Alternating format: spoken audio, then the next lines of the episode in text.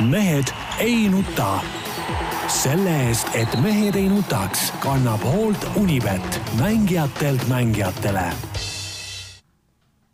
tere teisipäeva, vihmast teisipäeva seekord, Mehed ei nuta on sellegipoolest kenasti eetris. Tarmo Paju Delfist. tervist. Peep Pahv Delfist ja Eesti Päevalehest. tervist.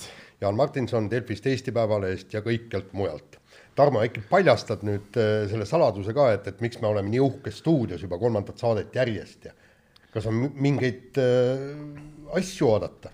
no on mingeid asju oodata, ehk siis äh, koos selle sissejuhatusega võime me tervitada ka Inspira telekanali vaatajaid, kes äh, peaks siis laupäeval meid oma eetrist nägema, see on selline äh, kokkulepe, mis siis suvekuudeks on, on meil Teliaga vormunud ja, ja see esimene saade siis peaks sel laupäeval eetrisse jõudma seal. näis, milline see aeg ja, ja päev ja kellaaeg saavad siis täpsemalt olema, kui see koostöö edasi läheb ja kui pikaks see kujuneb, aga hetkel siis räägime suveperioodist, eks inimesed tahavad ilusaid inimesi suvel ikkagi nagu rohkem näha niimoodi pildis. no mind põhiliselt. no sind mind, ikka, ikka. Ütleme, rohkem ilusaid inimesi pole kui mina, et, et ja. selles suhtes on nagu kõik on klaar. ja no selles mõttes oli hea, et sa ise selle ikkagi ära no, ütlesid, et sa ei ja, oodanud no. isegi, et äh, mina või Jaan saaksime ei, sama sõnumiga välja tulla.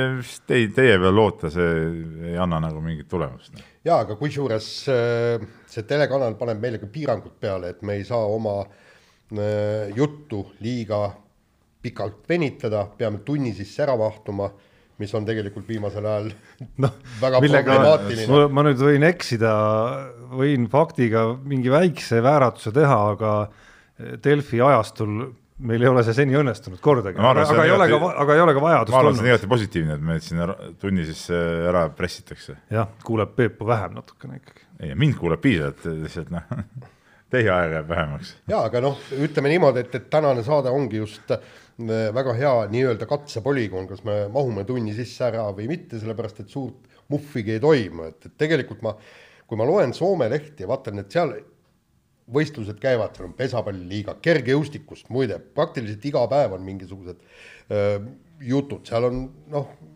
seal action käib, aga, aga meil Eestis. ei no mis action käib? Noh? no näiteks see kergejõustikus teemavõistlused ne,, neil on, no võtavad ühe-kaks ala võistlevad, publik on kohal, kõik on happy'd, on ju, ja, ja no,. ma ei kuulnud, et seal mingeid erilisi hüpertulemusi oleks no, mis, kaheksa kakskümmend kolm vist Soome rekord, Vasara heites no, Soome no, rekord okay, veel. paar asja. jaa, ei, seal midagi, ei, okei okay aga vähemalt toimub, seal on midagi niisugust, mida on no meil ka, aga miks sa ei käinud siin, pole käinud heitjate seeriavõistlust näiteks? jaa, aga sealt ei, seal ei tehta tulemusi, mis vääriks lehte panna, vot see on see probleem ja, ja, ja, ja tegelikult ongi, praegu on selge hapukurk ja ma vaatan, et maailm on tegelikult sellest hapukurgist tüdinenud, enne saadet rääkisime siin Tarmoga ka, et Ameerika hakkab ka nüüd lõpuks mängima korvpalli.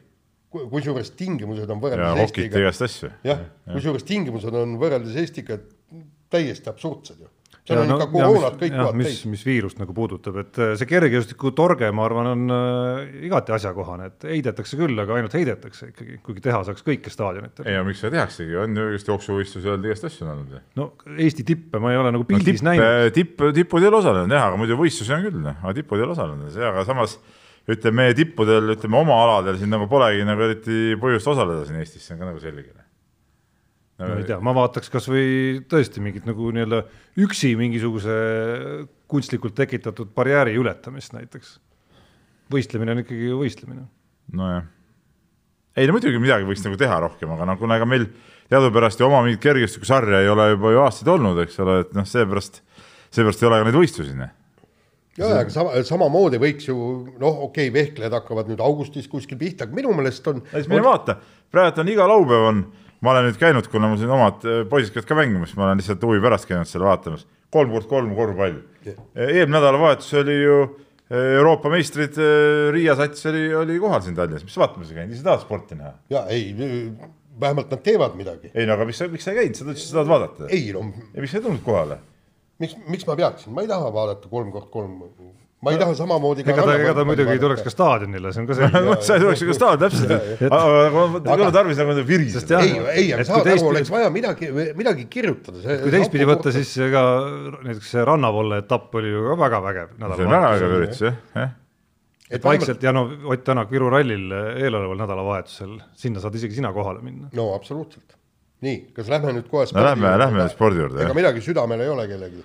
No Peepu tahaks tunnustada kindlasti selle roosa vihmavarju eest, millega ta täna uhkelt traavis ikkagi. see ei olnud roosa, see oli oranž. esiteks ma saan aru, et see polnud roosa, teiseks ei olnud vihmavari, vaid mis asi see oli? sirm si nagu ei ole kasvuhoonet, vaid on olemas triiphoone. ma arvan, et siit saab mingi suur muutus, Jaan, alguse ikkagi äh, Peebu puhul, et ma ei tea, kas teade sellest, et äh, Mart Helme taandub ja ei, poeg võtab üle, on, annab siin mingisuguse tõuke. see, see oli ainus, ainus sirm, mis mul õnnestus autopagasnikust leida äh, teel toimetusse, nii et noh. ja peale ma ütlen, ta oli oranž, mitte, mitte roosa, nii et see on sul mingi ütleme, sa üritad siin praegu kuulajaid-vaatajaid nagu eksitada. aga lähme nüüd siis eh, teemade juurde. Lähme teemade juurde ja autospordis toimub mitte küll nii-öelda põllu peal, ehk siis seal, kus tegelikku tööd no, põllu peal hakkab toimuma. põllu peal hakkab toimuma, aga, aga eelkõige ikkagi nii-öelda kardinate taga eh, toimus Eesti Autospordiliidu eh, üldkogu ja väga huvitavaid vangerdusi tehti seal lõp-, lepiti ära sõjakirves, vist kaevati ikka väga sügavale maasse, valati betooni peale, nagu ma olen aru saanud, Urmo Aava on nüüd autospordiliidus, see ei ole vist juhatus, see oli kuidas, nõukogu, nõukoda nõu,. volikogu. volinike kogu tegelikult, mitte volikogu. Volinike kogu, seal on tegelikult need liikmed on siis äh, klubid ja siis klubide esindajatena on siis ütleme Urmo Aava klubi, mis on siis äh, Rally Estonia korraldajaklubina on nad äh, seal ka kaasatud. ja Ott Tänak on ka seal. ja Ott Tänak on seal ka, et oma, oma klubiga, et selles suhtes äh, ma arvan, et äh, see koosolek, mis siis eile toimus ja päris, päris pikalt tegelikult kestis, läks, läks suhteliselt mõistlikult, et et saadi nii-öelda aur välja lasta ja, ja teemad selgeks rääkida, et no kindlasti ma arvan, et seal kuskil kellelgi mingid asjad jäid kipitama, et me nii sinisid me kindlasti pole, et et ma us usuks, et, et seal sai nagu kõik, nagu Jaan ütles siin, sõjakirjad maha, maha maetud ja betoneeritud, et nii lihtne see asi kindlasti ei ole, aga aga kindlasti, kindlasti ütleme, asjad nagu paremaks ja klaarimaks läksid, läksid küll ja, ja nagu Kurmava ütles, et alaliidu liikmed on oma sõna öelnud ja, ja see oma otsuse teinud ja see otsus on, on püha ja, ja on, on täitmiseks nii-öelda, et ega siin polegi midagi öelda, et ikkagi ütleme, see seltskond, kes Autospordiliitu vedas viimasel ajal ütleme läbi juhatuse, ütleme nemad siis said ka seal nõunike või, või, või volinike kogus tähendab, said, said ka selge, ütleme nagu enamuse, et, et selles suhtes läheb, läheb sama taktikepi järgi asi edasi. Ja aga, aga natukene, mis, mis jäi kummitama, vaata kogu aeg on räägitud, et, et autospordiliit on kuidagi liiga rallipõhine ja siin on ka nüüd seitsmest inimesest oli kolm oli ralli inimest, Georg Kross, Ott Tänak, Urmo Oleg Kross siis. või Oleg Kross, jah, sorry. et äh, no kas need ringraja rahvas, ega, ega ei no ringraja rahvas, ei no ringraja rahvas oli ka enne, oli Toivo Asmer seal esindatud ringraja poole pealt. Nüüd oli äh, Auto24 ringraja äh, omanik Andres Hall esindatud seal, lisaks on siis Äh, ütleme, kross-kartide, rallikrossi äh, poole pealt oli esindaja sees, et, et äh, noh, ütleme, et, et enam-vähem see laiapõhjalisus jäi enam-vähem samaks, mis ta oli, oli varem, aga hea on see, et ta ei muutunud päris, päris ralliliiduks, vaid, vaid ikkagi seda seda laiapõhjalisust suudeti hoida, et noh. seitsmest kolm ei ole ju. et sa ja, ja arvestades, kui suur, kui suur osakaal on rallil ikkagi autospordis Eestis ja, ja, ja ralli tähtsust arvestades, siis ma arvan, et see ei ole nagu äh, tegelikult äh, probleem, et see on, see on täiesti mõistlik, äh, mõistlik niisugune äh, jaotus. jaa, aga samas ma tahaks ka just seda öelda, et, et, et kuidagi see ringrajasõitjad ei ole suutnud nagu noh, silma paista või oma asja nagu ajada nii nagu. tegelikult nagu... muidugi seitsmest kolm on muidugi vale, seitsmest neli või viis ikkagi. Raul Jeets on ka puhas rallimees, ise sõitja ja, ja, ja näed, Ojaverv noh, ka puhas ikka rallimees. ja, ja aga, aga seal ongi see, kahjuks on see ringrada nagu ringrajasõitjateks, vormelisõitjateks või siis kereautode sõitjateks ikkagi kasvatakse väljaspool Eestit. rallisõitjateks kasvatatakse ikkagi Eestis. ta on nii olnud aga mul on ikkagi, tuues tagasi juttu sinna alguse juurde, et, et, et see Rally Estonia ja suur leppimine siis noh, iseenesest juba signaalina see, et mehed on ühe laua taga ja mehed on ühes, mis ta siis on, volinike kogus. ehk siis seal on koos see juriidiline keha, mida esindab Urmo Aava ja seal on siis koos ka kogu see senine ja, ja, ja nüüd ka siis praegune Autospordiliidu eliit ja, ja ka Ott Tänak, kes, kes ikkagi nende viimaste kuude jooksul noh, kui ta esimestel päevadel, kui tekkis, mäletate, see tüli Autospordiliidu ja Rally Estonia vahel ja sada tuhat ja nii edasi, tegi näo ka ühe meie mikrofoni ees, et ta pole kuulnudki üldse, et mis, millest jutt käib, siis ilmselgelt kuude jooksul sai selgeks, et ka tema oli, et ka temal on mingi roll kogu selles äh, loos ja, ja mingid huvid, siis äh, juba see, et mehed on nagu koos ja, ja said rääkida ilma, et, et pilluti mingeid teravusi, on iseenesest ju positiivne. aga ma, ma kehastun siin praegu küsijaks ikkagi, Peep, sul on kindlasti infot oluliselt rohkem äh, see tundub selge, et praegu on ühendatud nagu kogu jõud selleks, et sel aastal Rally Estonia toimuks. See saaks MM-etapiks ja loodetavasti sel nädalal tulevad ametlikud teated selle kohta, aga kui me nüüd tulevikku vaatame, nii see Eesti rallisporti ja selle edendamist kui ka tulevasi Rally Estoniaid või mis iganes nimelisi rallisid, siis kas see Pandora laegas on arvata, et avatakse ikkagi uuesti pärast seda, kui see praegu see lühiajaline nagu eesmärk on ära täidetud Pandora lakka, sa mõtled nüüd seda kuulsat saja tuhande euro no, küsimust? kõik see sada tuhat omavahelised suhted, kõik, mis risti läks ikkagi. ma arvan küll, et see avatakse uuesti, et okei okay, praegu. enne kui sa vastad, see sinu enda tänane lugu äh, ja asjaosaliste laused seal noh, pigem jätsid mulle tunde, et jah, et, et ega see nagu lõpuni kuidagi klaaritud ei ole või, või mingit lõplikku leppimist, ma ei tea, kas see saabki tulla muidugi. no jah, seda nagu raske, raske öelda, aga aga kas, kas saabki tulla lõplikku leppimist, noh, miks peaks saama, kui normaalsed inimesed on, saavad alati, alati leppida ühise asja nimel tegutseda, näitab ka nüüd praegu selle MM-etapi ütleme Eestisse toomise nimel tegutsemine, kus alaliit aitab ikkagi ka asjale, asjale kaasa. aga ma arvan, et äh, järgmine aasta nagu Rally Estonia ei ole MM-etapp ja, ja tulevad jälle nii-öelda äh, oma, oma asjadega välja, siis ega Autospordiliidul ei ole mingit põhjust ju sellest äh, raha küsimisest või sellest hinnakirjast äh, loobuda. no välja arvatud juhul, äh, kui nad sa saaks, saaksid või said aru, et nad ikkagi nagu üle võlli natuke. ei, ma arvan, et ma arvan, et nad ei ole seda meelt seal, et, et nad üle võlli läksid ja, ja ma arvan, et noh, rõhutati eile ka seda korduvalt, et noh, ütleme esimest korda nüüd alaliidul on finantsseis selline, et et ei ole ühtki võlga seal praegusel hetkel ei ole noh, no ütleme kõik, kõik rahased on nagu korras, et see finantspõhi on nagu kõige alus noh ja, ja, ja kuidas peab alaliit seda raha saama, noh alati võib vaielda, eks ole, et, et kas nad peavad leidma siis neid sponsoreid või, või tuleb see raha siis äh, võistluste korraldajatelt kokku korjata. see on nagu sihuke maitse küsimus, aga ma arvan küll, et, et et seega nad, see sada tuhat, mis nad hinnakirjaks määrasid, et ega seda keegi otseselt ju äh, tühistanud ei ole ja, ja, ja see läheb äh, samamoodi edasi. aga nüüd on muidugi huvitav vaadata, et kui Urmo Aava ise on ka seal äh, nõunike volinike, volinike kogus, jah, ma tahtsin öelda nõunike kogus volinike kogus, et siis äh, et, eks tal on jälle omakorda raskem selle vastu ka võidelda või üldse alaliidu vastu võidelda, eks ole, et, et, et noh, eks see volinike kogu teeb ju oma otsused ära, teeb seal mingi hääletuse põhjal ära selle ja otsus on selline, noh, sa ei saa ju sellele vastu vaielda ja, ja kui ütleme, nii nagu ta ütles selles loos, et noh, see volinike kogu on ju valitud äh, alaliidu, ütleme, liikmesklubide poolt, siis nii ongi, no see on siis äh, enamuse tahe. Ja selleks, et seda põhikirja muuta, oli vaja kahe kolmandiku liikmete äh, toetust ja see oli olemas, noh, et selles suhtes äh, noh, eriti ei ole nagu millegi peale apelleerida ka, noh. jah, no lõppkokkuvõttes tont sellega, ma arvan, et, et Urmo Aava saab ka selle saja tuhandega hakkama, kusjuures ta ju ütles ka, et oleks ma varem teadnud, et, et tule, et see litsentsitasu on niivõrd suur, et see ei oleks olnud nii suur probleem, aga nüüd järsku äkiliselt äh, pandi sada tuhat äh, eurot lauale ja nüüd maksa ära, aga see selleks.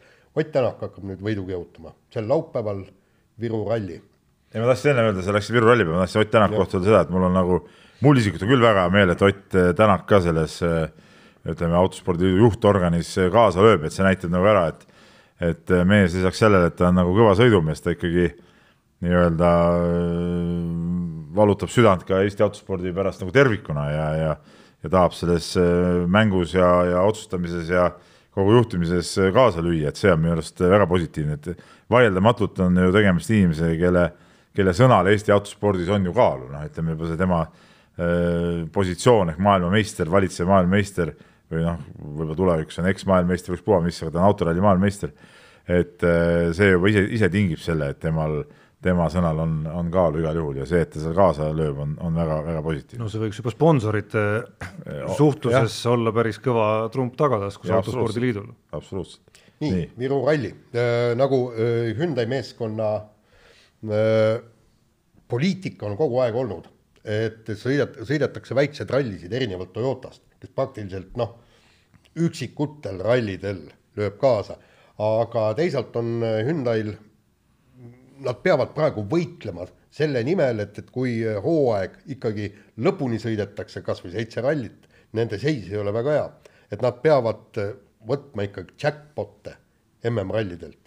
Ja see on ilmselt põhjus ka, et eks mis, mispärast Ott Tänak sõidab Viru rallit, autot testitakse, seadistatakse, pannakse asju, asju paika, et, et et ollakse siis Rally Estonial, mis peaks siis tõenäoliselt saama esimeseks MM-etapiks nüüd pärast koroona, koroonapausi, et siin, siin olla ikka vi-, viimasel, viimase peal löögijõus. okei okay,, küll ütleme, need teed ei ole väga sarnased, mis on Viru ralli teed ja Rally Estonia teed, aga, aga selge see, et nad siin testida saavad ja ja selleks nad seda kasutavad, ma vaatasin, sa olid siia kirjutanud ka, et mida oodata Ott Tänakut Viru rallilt, noh et, et mida sa ootad siis? et ta võidaks no võidab ikka no,. no ma arvan, et see ei olegi no, probleem, jah. et, et seal ongi see, et, et tema peamine eesmärk on, on ikkagi testida testida erinevaid asju, jah. ja pluss kätt soojas hoida. no kätt soojas hoida, see, see selleks, aga põhiline on ikkagi just äh, autol erinevaid äh, detaile ja, ja, ja seadistusi ja asju seal proovida ja, ja teha, et, et see on, see on nagu põhi, põhitöö, mille pärast nad siin osalevad. Ja sellepärast lähevad nad ka ju Itaaliasse sõitma seal asfaldirallit, et, et asfaldirallideks valmistuda ja, ja, ja noh, see see on nagu Hyundai'l ikkagi väga-väga hea mõte nagu nendel väikstel rallidel osaleda. jaa, aga vot ikkagi ma ei saa aru, et, et noh, M-spordist, sellest ma saan aru, M-spordil seda raha liiga palju ei ole, aga, aga, aga Toyota, miks ei oleks võinud Toyota tulla ka siiasamma Viru rallile? mis keelab, neil on ju autod, kõik on ju Eestis. võta sealt äh, auto, isegi sõitjad on ju Eestis. No eks see maksab muidugi, üks detail no kuule, kas sa tahad öelda, et, et Toyotal on äh, pappi vähe? no see nagu ei maksa nii palju, kui sa tuled, ütleme näiteks ühe autoga siia välja, sul on see tiim on nagunii ju siin enam-vähem olemas, noh, see ei lähe sul nii kalliks, noh. et samamoodi Hyundai tuleb ju selle ühe autoga, okei okay,, neil on küll täis äh, hooldustiim on nagu kaasas, insener, kõik, kõik jutud, eks ole, aga noh, see ikkagi ju nii hirmus kalliks ei lähe, sa ei tule ju kogu, kogu selle hirmsa porukaga, mis nagu MM-rallidel on kohal aga no tead, see Viru ralli tuleb üldse, üldse väga, väga äge, et lisaks sellele, et Ott Tänak seal sõidab, on ju seal huvitavat vaatamist küll, ma ise kahjuks, ma tunnistan ausalt väga kahju, et ma ei saa ise kohale minna, mul oli üks, üks muu asi oli varem juba enne, kui see ralli kuupäev selgus, oli, oli paika pandud selleks päevaks ja ei ole võimalik muuta ka, aga seal ma loodan, et Jaan suudab ikkagi nagu see töö seal ära teha ja, ja ütleme, lisaks Tänakule ka muid asju seal märgata, just seda, kuidas kuidas Roland Poom seal näiteks äh, Hyundai R5-ga sõidab, mis väga-väga oluline meil nagu tuleviku mõttes. noh, seal on ju Eetsid ja seal on, ütleme, see R5-te konkurents äh, pluss siis nende protomasinatega sõitjate konkurents, seal on ju noor murakas, eks ole, Egon Kaur, kuidas see seltskond kõik omavahel sõidab, et, et see ja, ja, ja kuidas nende võrdlus hakkab äh, Georg Krossiga olema, et noh, seal on huvitavaid asju küll nagu, et, et et ma pean, pean sind muidugi ennem natuke no Jaanil, ma saan aru, pinged on peal ikkagi. ei, mul on täielikult pinged peal, aga ma loodan, et sul on vähemalt telefon sees. jaa, sa saad küsida, ei saad kogu aeg. ja, ja, ja kui ma ei oska nagu Ronald Poomilt midagi küsida, siis ma annan lihtsalt sul telefoni, sina küsid. sa oskad küsida küll, aga sa ei sa ju ei, vaata, sa ju Eesti rallidel ei käi, no sa ei. lihtsalt, sa ei, ju ei tunnegi neid mehi. ma olen nii suur mees, et ainult MM-ralli. ja, ja, ja, täpselt, no tüüpiline Eesti ajakirjanik. jaa, absoluutselt. nii, vahetame teemat üle pika aja koos Eesti meeste võrkpallikoondis. Äh, uus peatreener, prantslane Cedric Enard kogus koondise kokku ja kuigi siin äh, sel suvel veel nagu suuremat action'it ei ole, jättes välja mõned äh, kontrollmängud. no Poolaga valitsev maailmameister no,. absoluutselt, vähemalt on need väga kõvad kontrollmängud, siis meeskond sai kokku ja olgem ausad, valmistuda on ju päris palju päris palju jaoks, et, et on tulemas ju kuldliiga, mil, mida on ambitsioon võita ja, ja ega see kodune EM finaalturniiri alagrupp ei ole ka enam kuskil mägede taga. Ehk siis, ehk siis Atra tuleb seadma hakata, nagu, nagu me näeme teisigi koondisi seda tegema, tegemas. Ja, ja ühtlasi oli siis võimalus natukene saada äh, nii eile kui täna meedia vahendusel ja ajakirjanikel siis kohapeal teada, mis seisus on mõned mehed, mis seisus ja mis mõtted on uuel peatreeneril endal.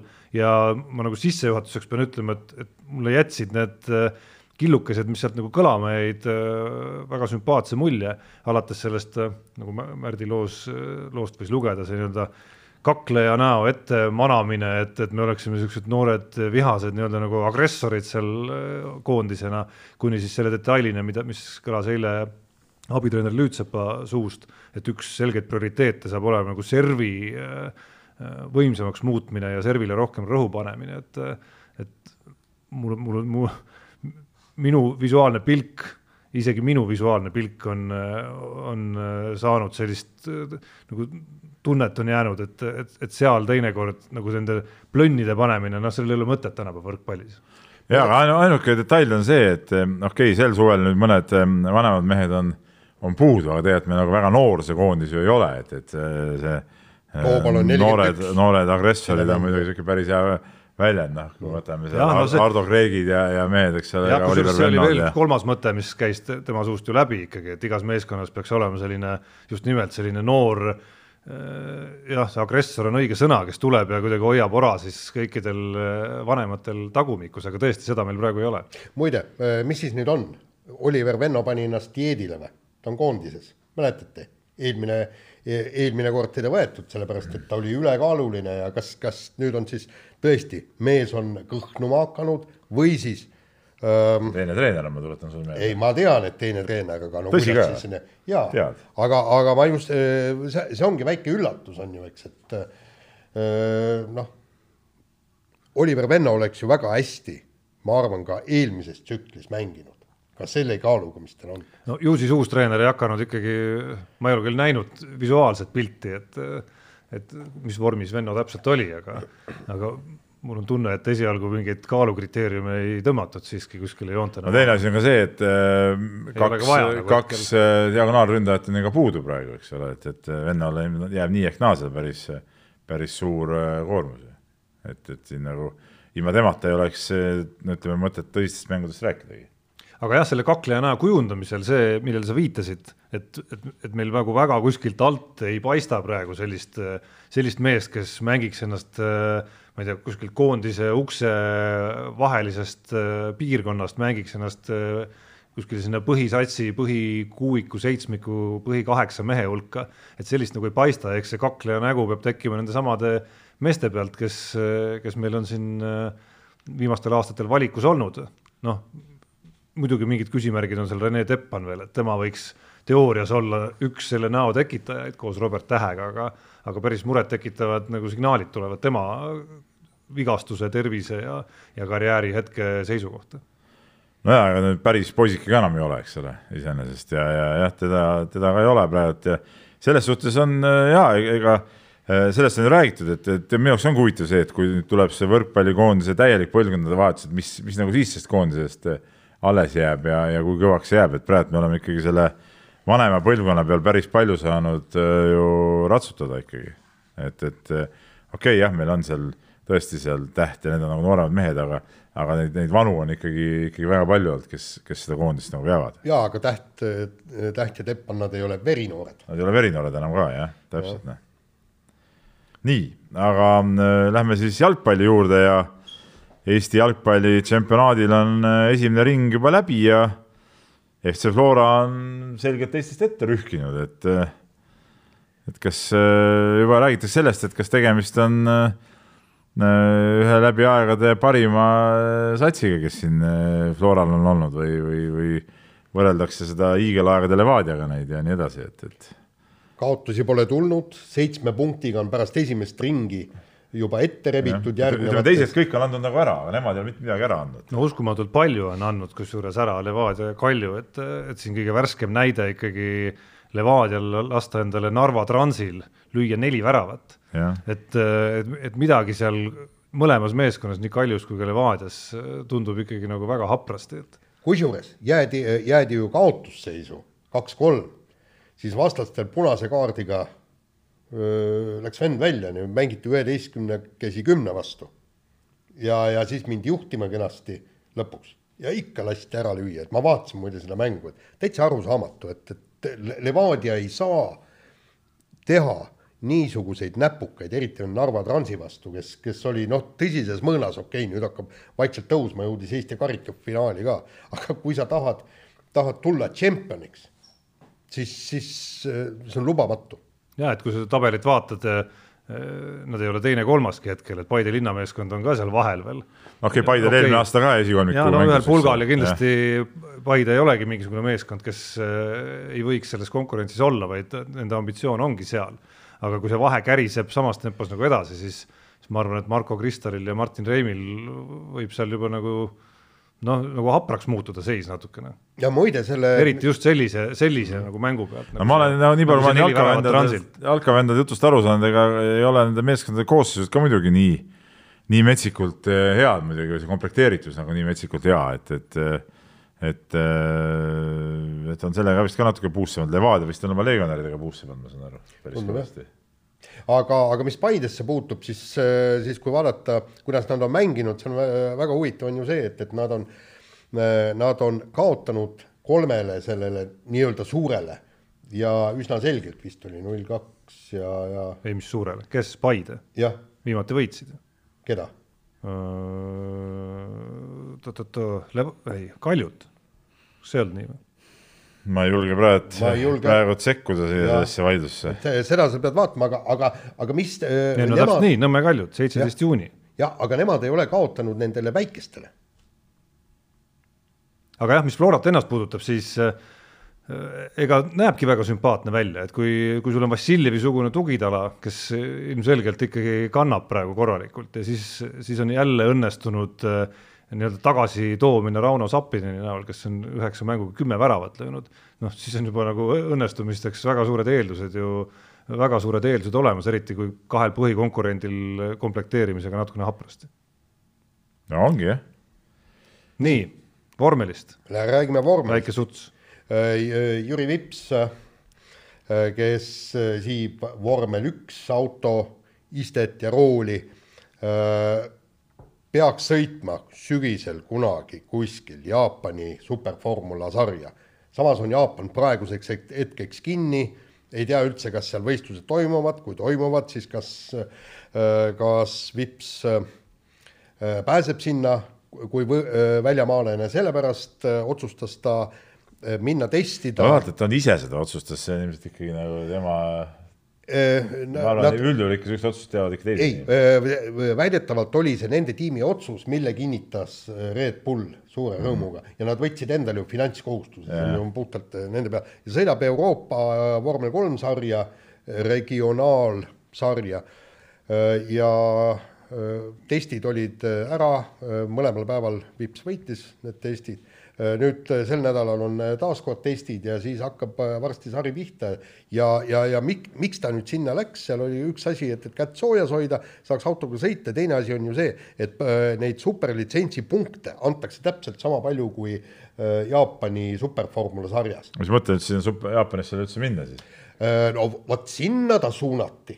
Sinna, sinna no, suunati, jah, just sellepärast, et superformula on kõige lähemal vormel üks autole ja, ja, ja see on äh, äh, Red Bulli nii-öelda noortetiimi bossi äh, Helmut Marko nagu väike kiiks, et ta ei taha näha seda Euroopa või tähendab seda vormel kahte, mida, mida kõik enamus sõidavad. Ja ta suunabki oma, oma sõitjad kõik sinna superformulasse, et, et näita, kui sa seal oled mees, ujud välja, siis saad oma punktid kokku, palun, anname sulle võimaluse sõita siis Red Bulli tütartiimis ei no selles suhtes on huvitav ja noh, peaasi, et mees saab praegu nagu sõita ja, ja võistelda, et muidu praegu see tundus ju, et, et äh, jääb no sisuliselt hooaeg vahele. Noh. no just. et, et see oleks olnud nagu noore mehe jaoks äh, kõige hullem ja noh, teada on ju, et ütleme, siuksed a la rallimehed, vormelimehed, neil on mingeid treeninguvõimalusi, kui selliseid ei ole, et ütleme, kui mõni klassikalisel spordialal inimene võtab ja noh, teeb lihtsalt trenni, noh. no füüsilist trenni ikka saavad teha no, aga füüsilist trenni küll, on- aga see, see ei ole nagu päris see ja, ja, ja ja, ja, ja ütleme, erialast trenni ikkagi väga teha ei saa, siis, siis praegusel juhul see, et ta saab seal võistelda, noh, olgugi ta siis teistest peaaegu üle seal, aga ta vähemalt sõita ja, ja mingit tunnetust kätte, et see on igatpidi positiivne. jaa, aga vaata siin, siin ongi huvitav, et, et kuidas kõik need asjad edasi, edasi kül- kulgevad. kõigepealt äh, sõidab ta äh, seda Euroopa sarja kaks esimest etappi, igal etapil kolm sõitu. pärast seda siis peaks minema Jaapanisse ja, ja kaks etappi Jaapaniga kattuvad, tähendab ta Euroopa sarja kõiki läbi ei saa sõita. aga vot mind huvitabki see, et kui on näha, et ta Euroopa sarjas saab oma punktid täis, kas siis Helmut Marko ajab ta sinna Jaapanisse, ütleb, kuule, unustas ära, nii, lähed sinna, okei okay,, me näeme, et sul ei ole võimalik neid punkte täis, täis saada, aga sa pead Jaapani sõitma. või lastakse tal pigem Euroopa sarja sõita selleks, et punktid täis saada ja, ja ta siis vormel ühte istutada. no see on huvitav jah, kui sa ütled, et see Marko Kiiks on ikkagi äh, see Jaapani sari, noh siis ma arvan, miks ta, miks ta peaks sellest loobuma. jaa, aga, aga tal on vaja noort sõitjat öö, oma tiimi. Danil Kvat- Kvjati hoitakse seal lihtsalt sellepärast, et mitte kedagi pole asemele panna. kellelgi pole superlitsentsi punkte täis, vot see on see probleem. kas ta tahab muutusi või ei taha muutusi. nii, nii, lähme kiire vahemängu juurde ja räägime Erki Noolest, mees sai viiskümmend, täitsa hullumaja. nii no. noored mehed saavad viiskümmend, kui vana mina olen. no sa oled ju nass. no absoluutselt, et see ongi kõige hullem tead. kusjuures ma siin eelmises saates äh, praalisin, praalisin, kui kõva aasta oli seitsekümmend üheksa ja jätsin muidugi äh, veel pooled nimed nimetamata, nägin ühes telesaates, see oli vist see, see oli vist see Jüri Butšakovi saade, kus ühel päeval olid külas Raio Piiroja ja Tõnu Hendrikson, mõlemad seitsmekümne üheksanda aasta mehed, aga okei okay,, lähme Erki Noole juurde. nii, ja noh, intervjuud paremal-vasakul ja, ja ühes ta ütles Erki Noolega võrreldes on nad ikka lahjad vennad. lahjad vennad muidugi. muidu Ja- tublid mehed no Erki. Nool, no ma tuletan meelde ikkagi Eesti spordiajaloo suuruselt äh, Teine mees. teise saavutuse Jah. autor ikkagi. Palusalu ja siis tuleb Nool. no aga nii ongi. nii andis ka meie konkurss. jah, ei, seda ma silmas pidasin ja ma. saan aru, ei ma Jaanile tuletasin meelde vaata ta on vana mees, tal on meelest ära juba, kus see Et-, kus see tõdemus nagu tekkis. et see on nagu äh, lauljatega on Georg Ots, Jaak Joala ja siis tükk tühja maad. jah, ja siin on ka Palusalu, Nool ja siis Uudo Sepp. Uudo Sepp., no kuule.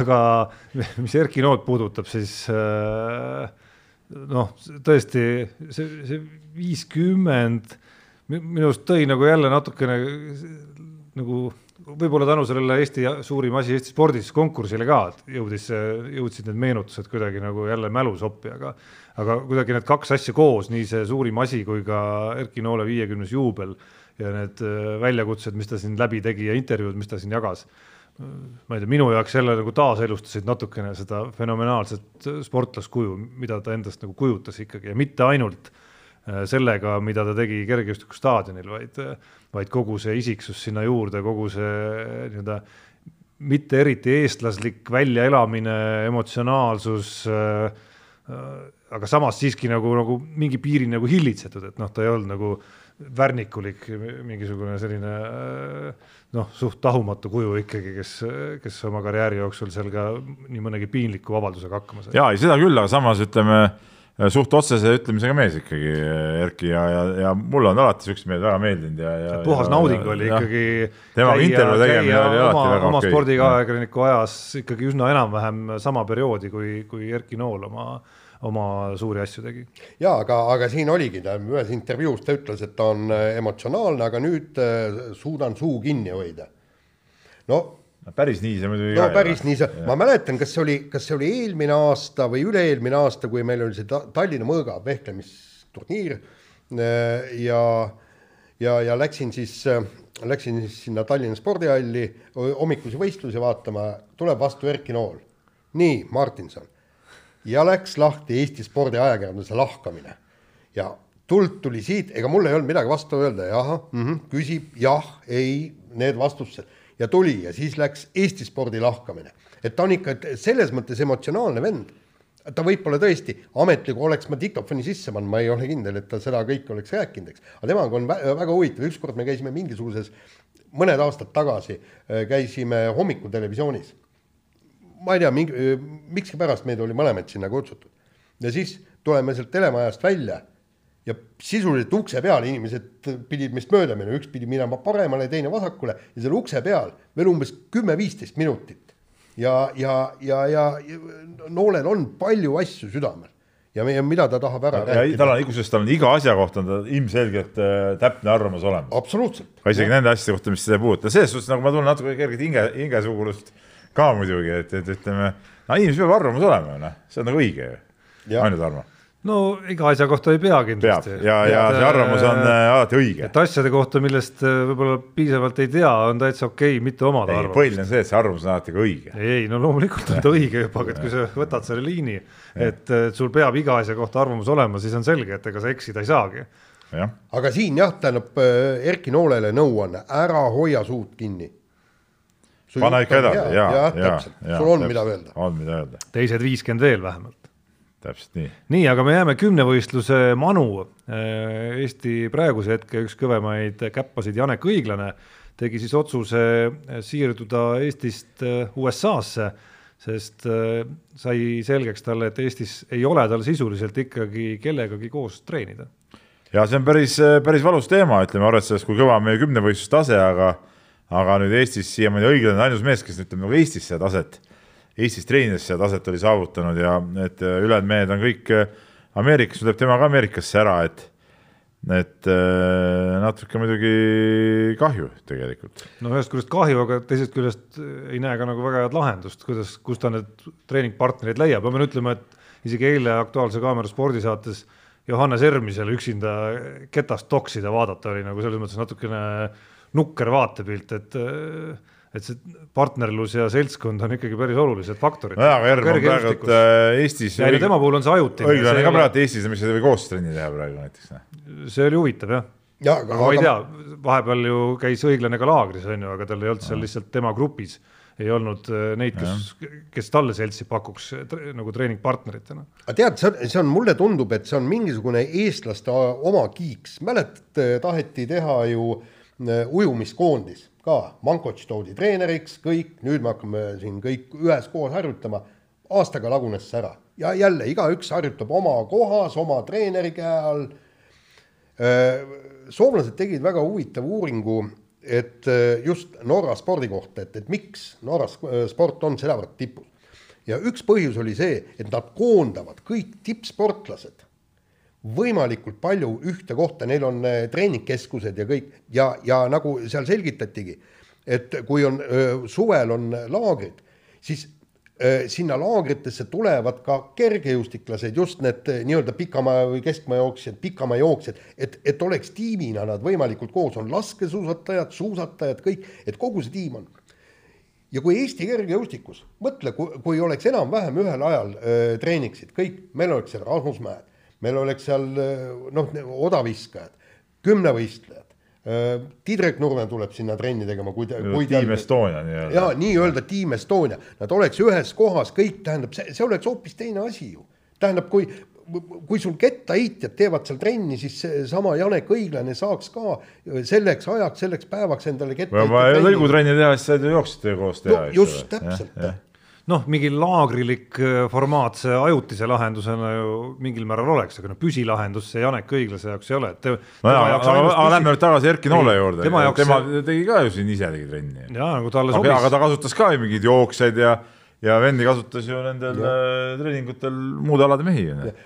teine asi on see, eks, et vaata, meil on praegu pra-, praegu on ju kergejõustiklastel on see probleem, et nende, seda füsioterapeute, arste, kõike, neid on niivõrd vähe, et ja siis, siis lähebki, üks läheb Lõuna-Aafrikasse trenni tegema, teine on Hispaanias, kolmas on Portugalis, kõik niimoodi, et kas ei saaks koondise laagrid ja vot siis sinna koondisse laagrisse sa toodki kõik, kõik füsioterapeudid, arstid, meditsiinilise teeninduse, massöörid, värgid, särgid, kõik, see oleks ju odavam.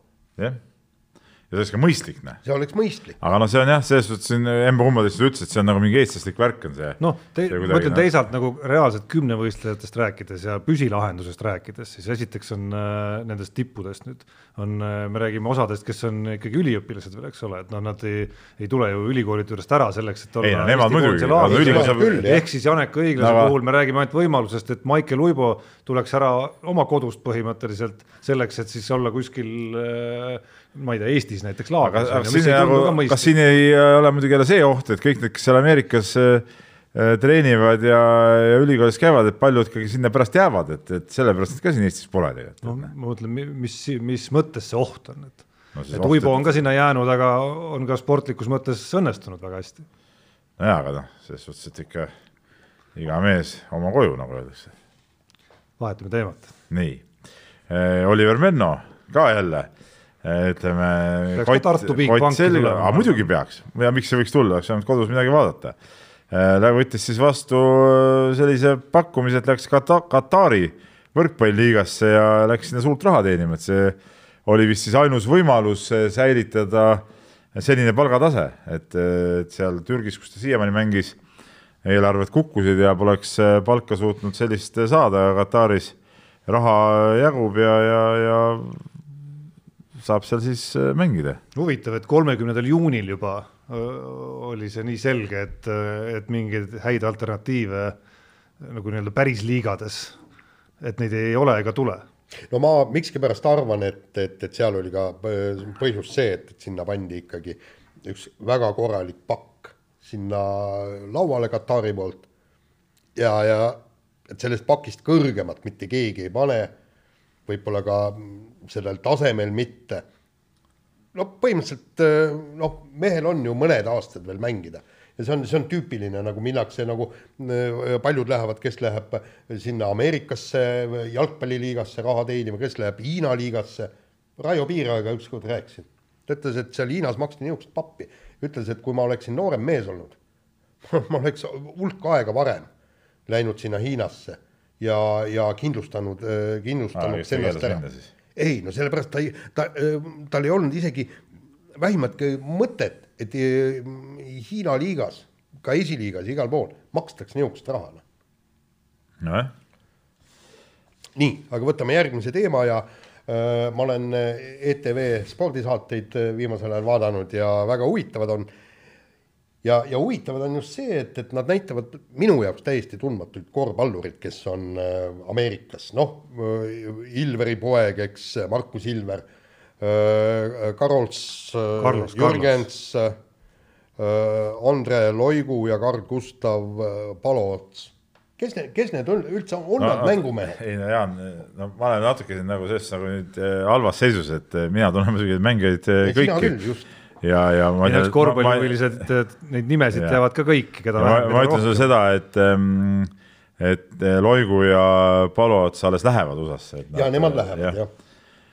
ma saan aru, Jaan, et su teemapüstitus on. ma ei tea, mis, mida, mida siin ütlema peaks. kergelt peaks. irooniline. ei ole, ta ei ole kergelt irooniline, mul tekib küsimus, et äh, mul tekib küsimus, et miks mina, kes ma seda tõesti korvpalli nii lähedalt ei jälgi ei, ei, ei tunne neid mängijaid. No, sellepärast ei tunnegi, et sa ei jälgi nii lähedalt. no Loigu ja äh, Palots olid viimased, ma pakun kaks, äh, kaks hooaega näiteks Tšehhis, Tšehhi ühes akadeemias et äh, noh. noh, Carlos Jürgens jõudis ikkagi enne USA-sse minekut ka Eestis ikkagi noh, silma paista võib-olla on liialdus. no aga, silma paista võib-olla liialdus. aga, aga ikkagi nagu pildil olla. ja, ja tema on ju see mees, kes jättis nüüd selle hooaja nagu vahele tegelikult, et, et, et ja no Markus Ilver, aga suhteliselt noor, Markus Ilver on vist kaks tuhat kaks sünniaasta, kui ma ei eksi.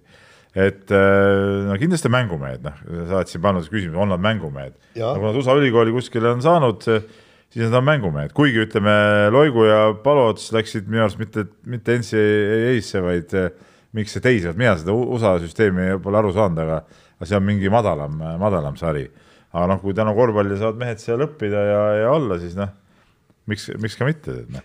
kuigi ütleme, hästi palju on nüüd Eesti poisse läinud sinna USA-sse, noh, ma ikkagi ootan kannatamatult ikkagi, et nüüd neid suuri edulugusid, ma väga, väga huvitav, et mis nüüd saab siis Kotsarist ja, ja meestest, et, et arvestades seda meeste hulka, kes seal on, noh, tahaks nagu näha, et, et kuhu nad siis pärast nagu maanduvad, kui nad tagasi tulevad. Et äh, no tõenäosus ütleb, et sealt tuleb nii edulugusid kui ka mitte edulugusid no ütleme, meil ajaloo, ajaloo jooksul on seal mehi käinud päris palju ja siiamaani no edulugusid pole pigem on olnud. käinud ikkagi üsna nagu episoodiliselt, kui nagu päriselt võrrelda, ma ei tea, siin äh, oma, oma lähinaabritega, siis eestlased on ikkagi üsna vähe käinud, et oli, et oli üks periood, kus Makked, Ärmpalud ja, ja seal ajastul kuidagi nagu mindi natukene rohkem, eks ole, aga, aga nagu tõelist minekulainet näeme me tegelikult alles praegu vana Ilver ise käis, Tein käis seal kuskil midagi tegemas. ja aga ka ajutiselt. ja suht täpselt, Läti-Leedu, on nad Janar, Jõesaar vahepeal. jah.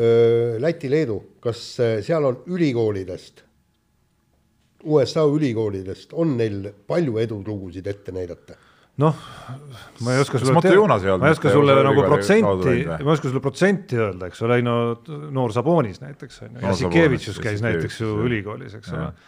Songaila käis ülikoolis, et aga noh, mõeldes selle massi peale, kui palju leedulasi sealt üldse läbi käinud on, siis muidugi on neid mitte edulugusid, mida me nimeliselt ei tea, oluliselt rohkem. ma Mulle- tean, leedukad ise ei ole nagu väga äh, nagu üldlevinud arusaam neil ei ole nagu väga soosiv seal Leedu korvpalliringkond no mulle tundub ka, et natuke see USA värk on natuke üle fetišeeritud, ütleme, et, et äh, ma ei tea, kas sinna on alati mõtet teosta, et pigem, pigem No noh, vaata, sinna Leedu-, sinna tihtipeale lähevad meilt ka mõned sellised mehed, kes ei ole isegi siin nagu suutnud veel nagu ennast pildile nagu tõmmata, eks ole. et ja ju juba ollakse USA-s juba seal, ma ei tea, tehakse mingeid asju. noh, see, et sa sinna USA-sse saad, ka see, ka see ei ole näitaja, noh. sinna olgem, ma ei hakka nimesid nimetama, seal on, seal on USA ülikoolides ka vendi, keda on siin kutsutud mingisse noortekoondistesse ja asjadesse, no kes tegelikult ei ole nagu minu arust küll nagu nii-öelda mängumehed, noh. aga noh, ütleme aga, aga noh, leedukates see ei ole nagu mingi otsene jaa, näitaja aga noh, leedukate skepsis on minu arust võib-olla rohkem põhjendatud kui meil juba sellepärast, et Leedus see kohalik kasvukeskkond ja klubide tase ja, ja rääkimata sellest, et tippklubide võimekus ka mängijaid reaalselt arendada, kui me räägime Žalgirisest ja Ritasest ja see kogu, kogu see jada, mismoodi nagu saada heaks mängijaks, on siiski vähe tugevam kui meil siin klubi ei, tasemel. seda kindlasti, seda kindlasti. nii, aga kiire vahemängu lõpetuseks äh, võtame mütsid maha, kuigi neid peas ei ole hetkel ja lehvitame pärast ka Peebu Oranži vihmavarju, kuna Liverpool vormistas ära oma Inglismaa jalgpalli meistritiitli ja see on kahtlemata kõva. no mina ei ole ma ei ole Liverpooli fänn kunagi olnud, mul sellest on täitsa ükspuha, ma ütlen ausalt. mul, me oleme seda saates vist öelnud pärast seda, kui kümmekond aastat tagasi ise Liverpoolis käisin tööga seoses, sealhulgas Beatlesite muuseumis ja, ja mingis keldris, kus Beatlesid kunagi sadakond korda oma karjääris jõudsid mängida ja, ja, ja, ja ka seal Liverpooli kodustaadionil ühel ägedal tuuril on, on Liverpool ikka väga südames, nii et. No ütleme niimoodi, et, et äh, mina, kes ma seda Inglismaa jalgpalli vaatan niimoodi silmanurgast, on Liverpool ainukene äh, sats, kelle poolt äh, ma olen või, või noh, mind ei saa fänniks pidada, aga, aga ma jälgin neid ja põhjus oli väga lihtne, siis kui ma hakkasin Inglise liigat vaatama, tõesti kolmkümmend aastat, rohkem kui kolmkümmend aastat tagasi läbi Soome televisiooni ja siis oligi Liverpooli kuldajad ja nad mängisid väga sümpaatset äh, mängu ja, ja sellest ajast peale on Liverpool äh, nii-öelda noh, soositud meeskond Inglise liigas ja, ja ma olen väga happy, et nad tšempioniks tõusid, samas ma ei ole väga happy sellest, et Ragnar Klavanit seal satsis ei ole. et tema mängib Itaalias, et, et seda on kahju, et, et sa, sa olid peaaegu, peaaegu, oleksid no kaks jaa, aastat ma- veel no- vastu pidanud. no ma arvan, neid mehi, kes see kaks aastat tagasi olid ja praegu ei ole, on, on teisigi, Jah, et see see, see, isegi kvalifitseerub peaaeguks see ei, minu arust ka see ei kvalifitseeru nagu kuskile, et, et see on nagu sihuke Ei, paras, paras umbruud. jaa, aga vaata, vaata kui uhke oleks olnud, eks. Uhke oleks küll olnud, vaata, meil ei ole seda vaidle. jällegi, meil ei ole neid edulugusid, kes on sportmängudes, ütleme niimoodi, klubi tasandil kõige, üldse kõige rohkem, mida saavutanud? no Martin Müürsepp võib-olla, kui me nagu räägime taasiseseisvumise ajast. just seda ma mõtlengi ja, ja kas on üldse veel, kas on üldse ei no selles mõttes kohalikke riigiliigasid on ju võitnud nii äh, korvpallurid kui minu teada ka jalgpallurid ja no, võrkpallurid no jaa, aga me ei saa ju mingisugust noh, ma ei kujuta ette Hollandi liigat võrrelda Premier League'iga. et, et see on tõesti midagi suurt, millest räägib kogu maailm või vähemalt kogu Euroopa, eks. laseme kõlli. lase kõlli. Unibetis saab tasuta vaadata aastas enam kui viiekümne tuhande mängu otseülekannet. seda isegi mobiilis ja tahvelarvutis. Unibet, mängijatelt mängijatele. Nonii äh,, kuidas meil Unibetis läinud on siis? Äh, praegult hoiame stabiilselt. ehk siis äh, tõlgin kõikide kuulajate-vaatajate jaoks. Peep, ütleme, oli laisk no. laisk, vaid ütleme Jaani nädala meeleoludes äh, ei tulnud nagu meelde kahjuks nii, no eks ma pean ütlema, et ma hoian äh, täpselt oma joont, viimase aja joont äh,. kaotasin jälle natuke pappi aga, aga võib-olla mitte, mitte väga palju ja, ja no üks põhimõtteliselt Levadia, no pagan küll, Narva Transi vastu, noh, loomulikult oli mul. Sellepärast seda mängu vaatasin, ma mõtlesin, et mis see Jaan vaatas telekas seda Levadia Transi mängu. ei, absoluutselt. rahamängus näris, näris küüsid. ei, absoluutselt. No, mida sa ennustasid siis ah?? mis sa ennustasid? rivis oli Levadia võit või? muidugi. kas sa ei paneks või? no ma ei tea, mis koefitsient oli ei no kokku oli. ei, ma mõtlen Levadial konkreetselt võidukoefitsient no,. palju ta, see su rivile juurde andis? oli, oli ta üks koma üks või üks koma kaheksa on suur ei, vahe? ei, see, see oli ikkagi üks koma viis, üks koma kuus, sellepärast et Ants oli öö, hästi mänginud. ja siis ma vaatan, mida pekki on ju, siis hakkasin teist poole vaatama, poole aega vaatama, siis tuli kolm-kolm, neli-kolm. siis sai teada, miks Trans oli hästi mänginud, miks koefitsient oli selline. ja, jah, jah, no vot. on. ja no, pagan, no ei, ei, ei, ei saa niisuguseid asju juhtuda, kallis Levadia, võtsite minu taskust puhtalt minu taskus.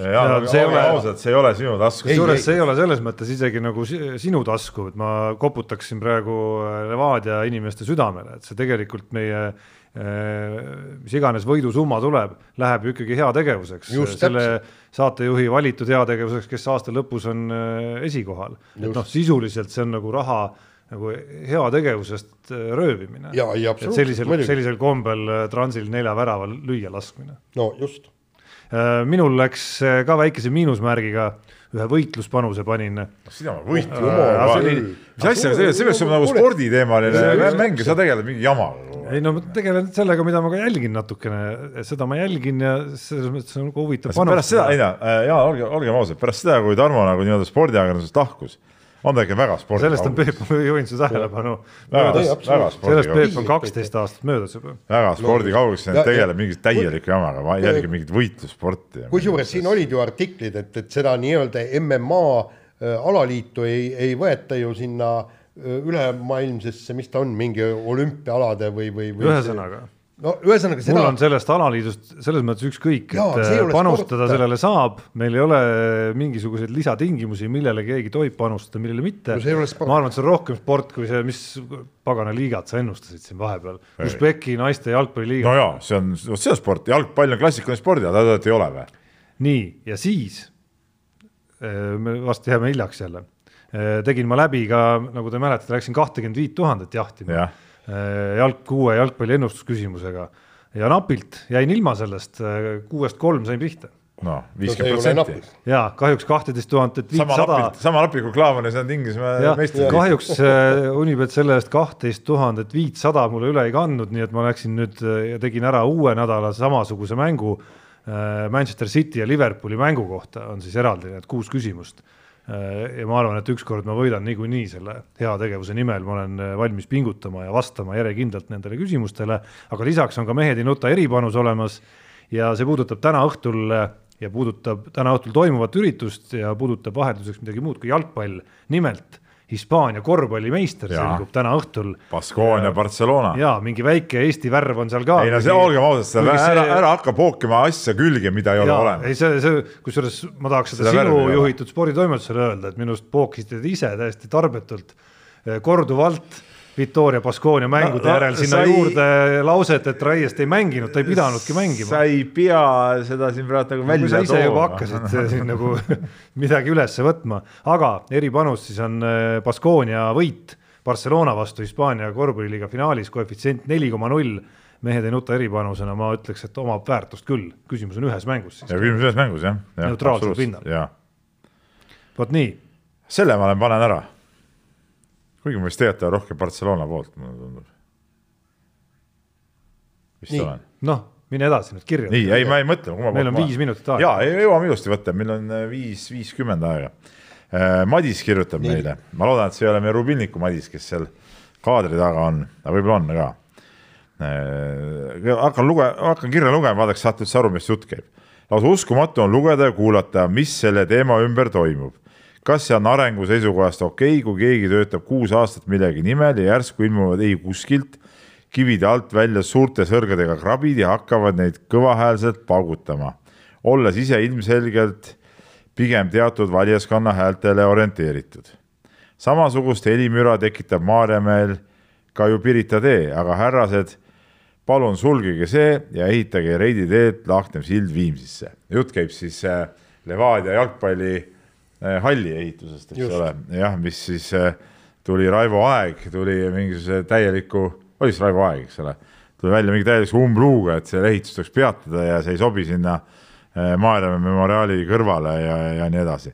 ja Madis jätkab, et mul pole midagi memoriaalide vastu, sellised kohad peavad olema, ajalugu tuleb mäletada, aga metatasandil usun, et need, kellele see memoriaal on püstitatud, vaatavad hauatagusest maailmast pigem positiivselt, kuidas meie noor, tugev ja teotahteline järelpõlv higi ja pisaratega Eestit edasi viib jah, vot see, see viimane lause on ja. nii, nii kümnesse, kui vähegi olla saab ja, ja mis mind nagu eh, kogu selle saaga juures hämmastab, on ju see, et see oli juba ammu-ammu teada, et sinna tuleb Levadia sisehall.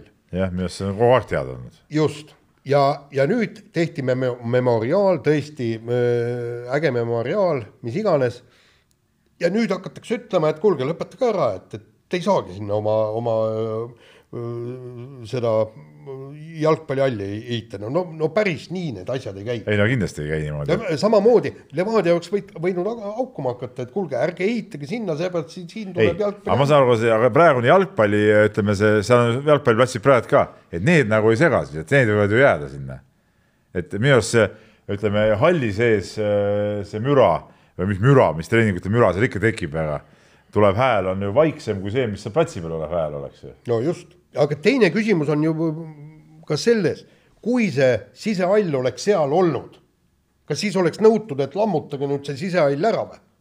või siis ei oleks aga, sinna aga ma loodan, et ma loodan, et see idiootsus ei lähe nagu läbi, noh, et, et et ma olen küll siukse Isamaa leerimees olnud äh, tihtipeale, aga ütleme, see oli nüüd küll ütleme täiesti jabur, jabur jutt, millega nad välja tulid. no kas see koosolek, mis toimus, pigem ikkagi ju jõudiski sinna, et, et pigem liigutakse edasi selle plaaniga, ehitamise plaaniga siis, mitte no, peatamise plaaniga. seda küll jah, aga no lihtsalt see ideega väljatulek oli nagu jabur. nii ja kiiresti jõuame võtta ka siin Kallelt tuli meil kaks kilja, kaks kilja, kaks kirja. no olgem ausad siiski, Isamaa meestelt äh, neid välgatusi ikka aeg-ajalt tuleb igasuguseid. no tuleb vahest jah, aga. siin äh, Urmas Reinsalu ka eesotsas. no Reinsalu kohta suhtes ma nii kriitiline ei oleks nii, aga Kalle on meile kirjutanud ja kirjutab nii, tere mehed, kuuldavasti värvitakse järgmiseks F1 hooajaks Mercedesed mustaks, et võidelda rassismi vastu. ma jäin mõtlema, et see on ju puhtalt mustade enda välja mõeldud nii-öelda blackface tegemine, äh, mis pidi neile ülimalt solvav olema, et sünnilt hõbedal, hõbedane värvitakse mustaks. see on ju ilmselge rassism nende enda reeglite järgi või on tegemist järjekordse topeltstandarditega. ja tead, Kallelt teine kiri veel Bernie Eccleston ütles intervjuus CNN-ile, et tumedanahalised on tihti rassistlikumad kui valged, selle eest tahetakse talle väänata eluaegne F1 võistluste külastamise keeld. mehed, kas see on normaalne või mis praegult maailmas toimub? no loomulikult, Kalle, see ei ole normaalne, mis praegu maailmas toimub ja kogu see, kogu see mingite vormeliautode mustaks värvimine ja ja, ja mingid võistluskeelud ja see, mis siin see mingi äh, ühe Inglismaa klubi äh, Äh, inimesed äh, rääkisid, vaat seal keegi lennutas üle, et äh, valged elud loevad, eks ole, mingi siukse sildi. et need inimesed saavad eluaegse staadioni keelu ja no andke andeks, andke andeks, et me oleme valged, tead näe, mis siit saab siis, tead näe ja Tarmo, sa, sa, isegi sina pead vist möönma, et see asi on natukene läinud viimasel ajal ikkagi üle käte. no mina ja... pean, ma pean, ma olen viimasel ajal ei saa salata, väga keeruline on mitte mõelda nendel teemadel ja, ja peab ütlema seda, et ma olen nagu nendest mõlemast äärmusest ikka nagu täiesti tüdimuseni väsinud, nii sellest nagu äh, nii-öelda nagu ühtepidi äärmusest on ju küll näite must ja nii edasi, kui ka nagu teises liinis nagu äärmusesse minekuni, et, et äh, no ma rohkem ei ütlegi midagi, et ma näen nagu mõlemat äärmust ja täielik kopp on ees. ma siin maa osas, ütleme, mis puudutab nagu Eestit, onju siis ma siin, ütleme mustade vastu mingit äärmust ei ole küll kohal no,. see, ei no kuule, see üks asi, mis kunagi oli, see meenutab mingit kümne aasta tagust lugu. õnneks või kahjuks meil saateaeg saab läbi, aga nagu ei ole üks asi. no muidugi on no, ja, ja, ja selge see, et see on nagu idiootsus ja, ja ma ütlen, ma ütlen siin otse ära, valged elud loevad täpselt sama palju kui mustad elud. ja, aga. no oled rahul? olen küll rahul jah ja., olen küll rahul, sellepärast et see kuradi mustade kummardamine hakkab nagu ära viskama natuke. kuule, sa tegid äh, suure vea, vaata tuldi välja liikumisega, kõik elud loevad. ja mis selle kohta no, öeldi? ma ütlesingi kõik, no ma ütlen. aga sa tead, mis selle kohta ju öeldi või? nüüd te, nüüd te, nüüd te läksite täpselt sinna, kuhu ma lootsin, et nagu ma ütlesin, mul on, mul on selle peale, kui inimene tuleb välja küll. loosungiga, kõik elud loevad, öeldakse, et seda ei tohi lehvitada, sest see võtab põhiasjalt tähelepanu ära. tähelepanu ära, nii, aga sellega on meie saade ja. lõppenud ja kohtume teiega järgmine teisipäev. mehed ei nuta saate tõi sinuni Unibet, mängijatelt mängijatele